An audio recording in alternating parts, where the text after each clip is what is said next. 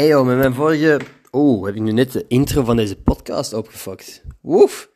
Ik ga gewoon verder blijven doen. Hey dagboekje. Dat is wat ik vergeten was. Met mijn vorige podcast over Bermuda's ben ik beginnen nadenken over wat nog zo lelijke kledingstukken zijn. En ik weet niet of ik dit ooit al eens verteld heb, maar mijn top drie lelijke kledingstukken zijn Bermuda's op drie, Marcelletjes vlak daarboven op twee en op nummer één staan polo's. Ik heb nog maar één polo in mijn leven gehad die ik iets van nice vond. En dat is pittig weinig.